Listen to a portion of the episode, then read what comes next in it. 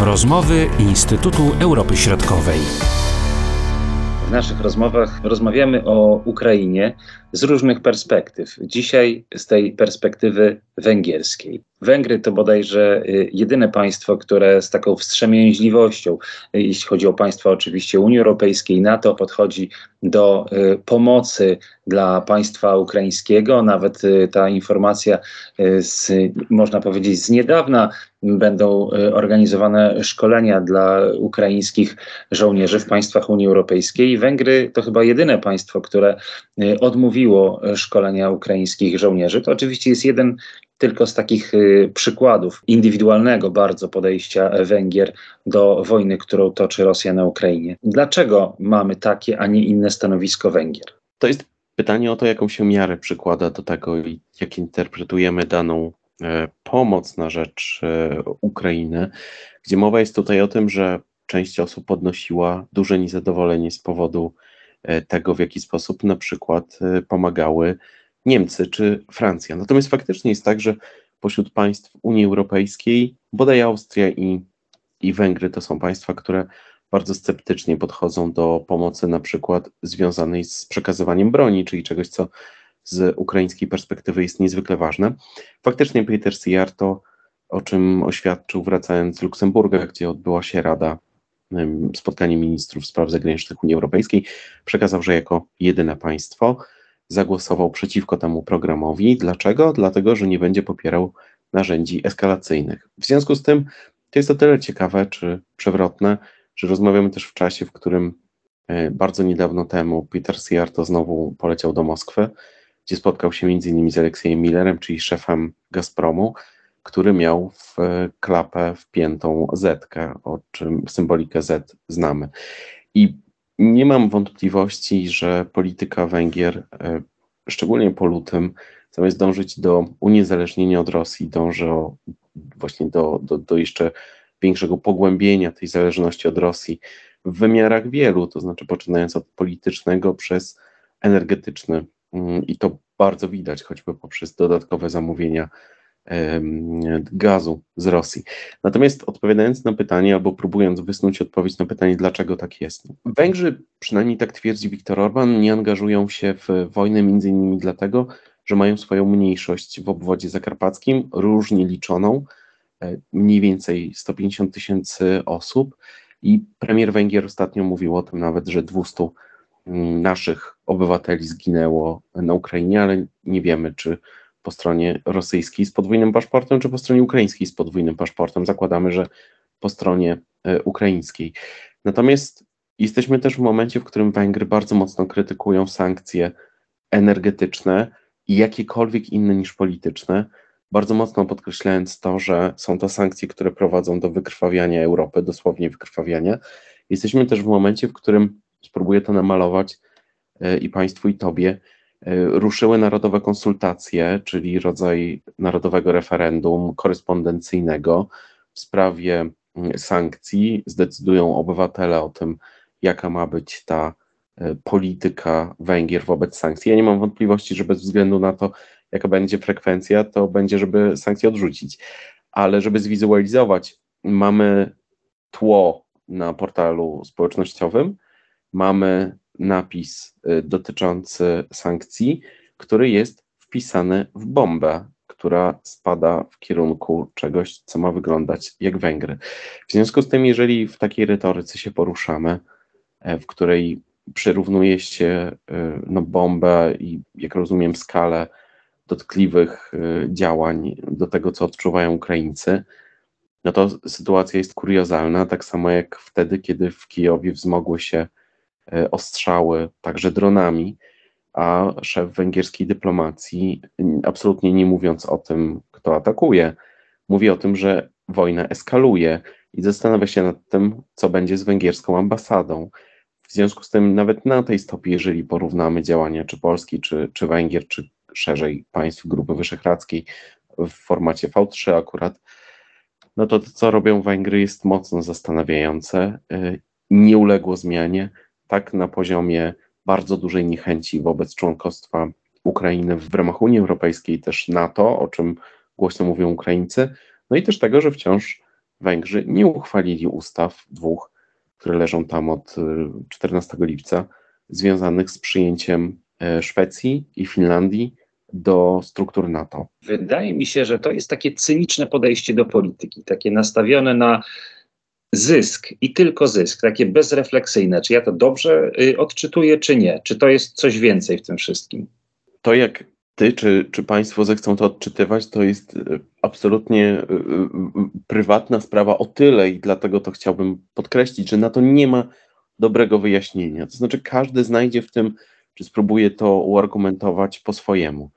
Moim zdaniem jest tak, że po lutym żarty w relacjach z Rosją się skończyły. To znaczy, dotychczasowe utrzymywanie polityki balansowania jest niemożliwe. Węgrzy dalej próbują to robić. W związku z tym to ma tylko dwa wyjścia, które brzmią w każdym wariancie brutalnie. Jeżeli Rosja, czego powiem wprost, szczerze życzę, zostanie zmuszona do tego, żeby podpisała jakiś pokój, że współpraca Zachodu działalność na Ukrainie e, i pewnie dużo szczęścia i wiary doprowadzi do tego, że mm, Ukraina wygra tę wojnę, albo przynajmniej wystarczająco osłabi Rosję, to położenie Węgier będzie tragiczne, mówiąc wprost. Zresztą nie po raz pierwszy Węgry wybierają sobie nie tą stronę sojusznika, którą powinni. Natomiast jest i druga strona medalu, w, w układzie, w którym Rosja E, będzie gdzieś zmuszała Ukrainę do pokoju, a inne państwa, czy licząc na to, że to obywatele będą już tak zmęczeni kosztami energii, być może zimnem w zimie, być może innymi utrudnieniami, że po prostu zaczną napierać na rządy krajowe, żeby te spróbowały napierać na Kijów. Takie gesty się czasami pojawiały, żeby Ukraina się dogadała z Rosją. I wtedy Rosja nie wychodzi jako pokonana z tej, z tej wojny. Nie wychodzi też jako państwo bardzo, bardzo, bardzo osłabione. Wychodzi gdzieś próbując zbudować nowy podział świata. Oczywiście ja nie jestem specjalistą od tego regionu więc i od tej tematyki, więc nie będę próbował silić się na to, żeby spróbować wyjaśnić, jak to ma działać. Natomiast niewątpliwie Węgry próbują mieć jakąś rolę wówczas e, istotną. One same budują taki nastrój, jakby były gotowe do tego, żeby stać się jakimś łącznikiem między Unią Europejską a Rosją, próbować być może zaangażować się w rozmowy pokojowe, tylko nie z tej perspektywy, moim zdaniem, która na Węgrzech dominuje od lutego, która czasami przypomina wręcz składanie hołdu lennego na Kremlu, mówiąc wprost, a wysnuwam ten ostry wniosek, na przykład z tego, że po Radzie Ministrów y, związanych z energetyką, akurat na Węgrzech ta sekcja teraz podlega rzeczonemu już Peterowi Siarto, poleciał prosto do Moskwy, żeby właśnie uczestniczyć w rosyjskim tygodniu energetycznym i zapewniać o tym, jak bardzo ważne są dostawy gazu, e, ropy e, do, na Węgry bezpośrednio z Rosji i że Rosja to jest partner godny zaufania. Jaką cenę płacą Węgry właśnie za taką politykę w bezpośrednich relacjach ze swoimi sąsiadami, szczególnie jeśli chodzi o Słowację, e, jeśli chodzi o inne państwa Grupy Wyszehradzkiej, czyli Czechy, Polskę.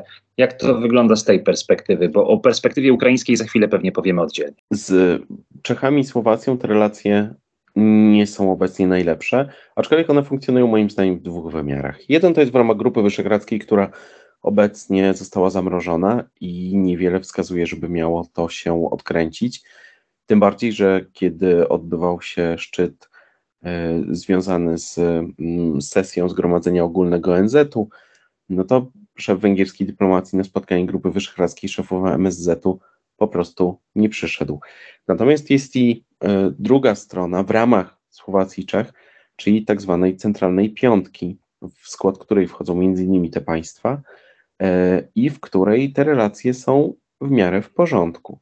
Natomiast mm, słychać to było też w polskiej prasie, kiedy był przeprowadzony wywiad z ministrem spraw zagranicznych Słowacji, który jest dość sceptyczny wobec postawy Węgier w regionie. Co do Polski, e, deklaracje na poziomie politycznym są takie, że te relacje będą utrzymane. Ja wciąż nie wiem, w jaki sposób można połączyć e, węgierskie podejście do Ukrainy, które rozszerza się na w ogóle bardzo szerokie podejście do bezpieczeństwa w regionie, ale też w wymiarze Unii Europejskiej, e, z tym, żeby próbować jakkolwiek normalnie współpracować z tym, z tym państwem, kiedy jest to polityka kompletnie sprzeczna z naszą polską perspektywą.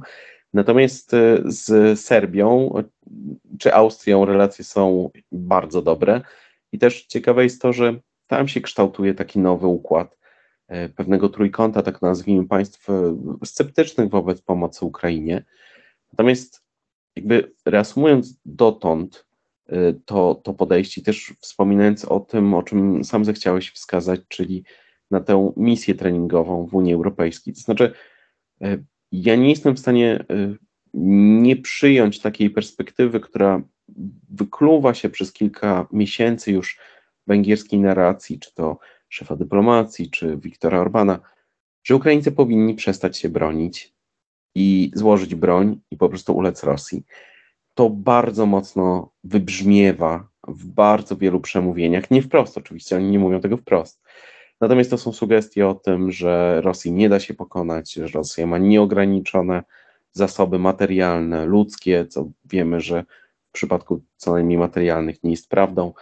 E, I w ogóle utrzymywanie takiej narracji, w której no, to jest trochę tak, e, tak się to odbiera, jakby winą Ukrainy było to, że jest drogo na przykład. Tam w ogóle o Rosji nie ma mowy, w żadnym komunikacie właściwie nie ma informacji o tym, że to Rosja stoi za tym wszystkim, czego jesteśmy teraz e, świadkami, i to potem bardzo widać w sondażach. Kiedy się pyta o to, kto ponosi odpowiedzialność za wybuch wojny, za to, że jeszcze nie ma pokoju, to dominują Stany Zjednoczone oczywiście, odsetek też jest wyższy po stronie ukraińskiej niż rosyjskiej. I w końcu takiego spojrzenia dość właśnie wtedy cynicznego, na to, że z Rosją trzeba będzie się jakkolwiek później porozumieć. No i Węgry bardzo liczą na to, że to się ułoży po ich myśli, a nie jednak po myśli Kijowa. Te relacje z Kijowem, jak y, mógłbyś je ocenić na dzisiaj? Całkiem także y, niedawno doszło do usunięcia y, węgierskiego symbolu narodowego z pomnika na Zakarpaciu. To działanie zostało mocno skrytykowane przez przedstawicieli rządu węgierskiego i podobno także y, Węgrzy mieszkający na Ukrainie również negatywnie ocenili to działanie. Ten, chodzi o orła, który tam znajdował się właśnie na obelisku i ma on zostać zastąpiony tryzubem, herbem Ukrainy. Czy to jest właśnie takie pewnego rodzaju podsumowanie tych relacji na dzisiaj? Że wygra trójząb, a nie węgierski turul, byłoby to co najmniej symboliczne. Natomiast faktem jest, że akurat Mukaczewo jest to tyle ciekawym przykładem, że ten Turul, czyli mityczny, plan, mityczny ptak, który miał przywieźć Węgrów z dalekich stepów e, na nizinę panońską i wskazać im, że tu będą mieszkać, e, został faktycznie usunięty, chociaż stał tam od 1896 roku, czyli od tysiąclecia, czyli milenium w zasadzie mm, powstania państwa węgierskiego. Niezwykłe dla mnie też było to, że od decyzji dotyczącej Rady Miasta, tak to nazwę być może nieprecyzyjnie, ale o to chodzi, do momentu, w którym e, zlikwidowano ten, e, ten e, pomnik, minęło dosłownie kilka, kilkanaście godzin, dlatego że jego już nie ma i to widać absolutnie na wszystkich zdjęciach co faktycznie jest e, dość, dość niezwykłe mm, też, też przystępo. Natomiast no i tutaj jakby jest mowa o tym, że tu jest brak poszanowania dla, dla y, tradycji węgierskiej, kultury węgierskiej i tak dalej. Natomiast y, myślę, że to jest wątek poboczny, gdzieś związany oczywiście z niesnaskami, ale te relacje węgiersko-ukraińskie dobre na pewno nie są. Nie ma kanałów komunikacji między Węgrami a Ukraińcami obecnie. E, pamiętajmy, że od wybuchu wojny e, Orban z Zełańskim rozmawiali tylko raz, kiedy de facto Zełański sam zadzwonił do Orbana po wyborach. E, wcześniej było tak, jeśli dobrze pamiętam, 22 lutego zadzwonił Viktor Orban do Zełańskiego, żeby zapewnić go o tym, że Węgry popierają suwerenność oraz integralność terytorialną Ukrainy. Potem kanałów komunikacji nie ma. Jeśli MSZ mówi o Ukrainie, to mówi o węgierskiej placówce w, w, w, w Kijowie, o niczym absolutnie więcej. I pamiętajmy, że na przestrzeni lat te decyzje dotyczące, czy, czy sposób komunikowania o, o Ukrainie był bardzo negatywny i wliczając w to choćby wezwanie pani ambasador Nepop w, w, Budapeszcie do, do węgierskiego MSZ-u. Sam ta pozycja niebawem powinna się ukazać, właśnie dotyczące pierwszego, pierwszych sześciu miesięcy wojny, mniej więcej sześciu, w których i tego, w jaki sposób jest, czy wyglądało od początku podejście Węgier do tej wojny, starając się wytłumaczyć na wielu aspektach, czy w wielu wątkach, dlaczego tak, a nie inaczej i czym to się objawiało, jaka była retoryka, co leżało u podstaw tego sporu, czyli głównie trzy rzeczy: ustawa o języku, ustawa o szkolnictwie, ustawa o obywatelstwie, tego, jak to się przewijało przez kolejne lata, żeby eskalować do tego punktu, w którym jesteśmy teraz, to znaczy Y, polityka węgierska wobec y, Ukrainy z polskiej perspektywy jest y, praktycznie nie do wyobrażenia na taką skalę. W związku z tym też to, by mówić o wojnie, nie mówiąc kto ją rozpętał i kto ją kontynuuje, tylko oskarżać na przykład Zachód, jak mówi Viktor Orban, o to, że wojna eskalowała, a także, że stała się globalna, dlatego że dotychczas był to konflikt, jak mówi Viktor Orban, lokalny, a stał się globalny. E, I zarzucać to wszystko stronie, stronie zachodniej, nie mówiąc w ogóle o Rosji, no to jest coś, co jest no, nie do wyobrażenia. To, to, to jest e, punkt widzenia, który jest, e, który przesuwa granice coraz dalej, dalej, dalej i dalej. I myślę, że te relacje też zostaną mocno zrewidowane po zakończeniu wojny. Oczywiście Węgrzy pomagają, ale pomagają głównie w obwodzie zakarpackim, czyli nazwijmy to dla swojej mniejszości. Te programy są uruchamiane, są kontynuowane. Natomiast jeżeli, żeby powiedzieć, jest oczywiście zainteresowanie tego, żeby Węgrzy włączyli się w odbudowanie Ukrainy, natomiast trzeba patrzeć w drugie, trzecie dno takich decyzji, dość spokojnie do nich podchodzić, e, dlatego że trudno jest, e, mając czy biorąc pod uwagę to, jak wygląda ta polityka od miesięcy, e, za pewnik uznawać to, w jaki sposób i na jakich zasadach Węgry chciałyby się włączyć w odbudowę Ukrainy i czy faktycznie strona ukraińska e, będzie tym na szerszą skalę w ogóle e, zainteresowana. Tutaj nie widać żadnych możliwości na jakąś zmianę polityki e, Węgier w najbliższym czasie. Nie ma żadnych symptomów, które mogłyby sugerować, że coś tutaj się może zmienić. Moim zdaniem nie. Były takie, myślę, że takie nadzieje też wśród polskich decydentów, że to się wszystko zmieni w sytuacji, w której Fidesz wygra wybory w kwietniu i że po prostu okaże się, że to była taka, taka retoryka, trochę jak zły sen, że to się zmieni, ale ja wtedy też bardzo sceptycznie do tego podchodziłem z prostej przyczyny. Mianowicie to za daleko poszło, to znaczy nie da się odkręcić tej, tej, tej narracji. Teraz Węgrom już zostało tylko brnąć, e, bez możliwości innej perspektywy, e, ewentualnie ulegając naciskom zewnętrznych partnerów dotyczących zasady jednomyślności przy sankcjach. Czekamy na dziewiąty pakiet sankcji, który po raz kolejny Węgrzy mówią, że go nie przyjmą, że ma on dotyczyć obszarów, na których oni się nie zgadzają. No i też wyobrażam sobie, że kiedy te narodowe konsultacje, ten mechanizm opisywałem w ramach komentarza Instytutu Europy Środkowej, ale kiedy zakończą się w grudniu te narodowe konsultacje i być może odbędą się jakieś inne jeszcze negocjacje w ramach Rady Europejskiej dotyczące tych pakietów sankcji, to ja pamiętam jedne konsultacje, po których Viktor Orban zabrał pudła ze sobą i plecak, e, zawiózł do Brukseli i powiedział, to jest opinia naszych obywateli. A akurat rozmawiamy w momencie, w którym rzeczniczka węgierskiego rządu mówi o tym, że nie można zamieść, czy zmieść ze stołu raczej e, węgierskiej opinii. W związku z tym, bez względu na to, jaka będzie frekwencja, Węgrzy odrzucą te sankcje, nie będą ich chcieli. To jest zupełnie inne podejście. Zresztą my w Polsce płacimy z powrotem około 8 zł za Mm, za paliwo. E, Węgrzy wciąż płacą jakieś 5,60, 5,50. W związku z tym ich można straszyć tym, że e, zobaczcie, jak wygląda państwo, w którym są sankcje, że jest drogie paliwo. Zresztą w mediach węgierskich e, prorządowych dość szeroko opisywano problemy polskie z węglem przez ten pryzmat, że Polska za szybko wprowadziła sankcje i teraz ma problemy. No a my tutaj zapewniamy bezpieczeństwo i tak dalej, i na to się nie godzimy.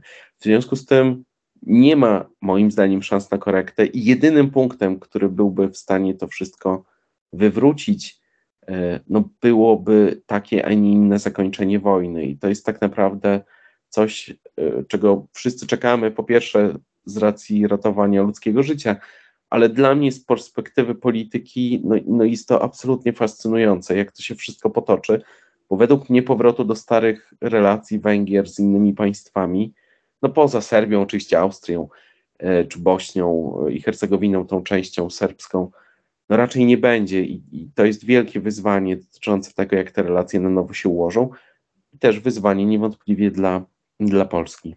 Dziękuję Dominiku za ten komentarz i e, podsumowanie tego, tej właśnie problematyki z węgierskiej perspektywy i relacji węgiersko-ukraińskich i nie tylko. Bardzo dziękuję i do usłyszenia. I ja dziękuję i do usłyszenia. Były to rozmowy Instytutu Europy Środkowej.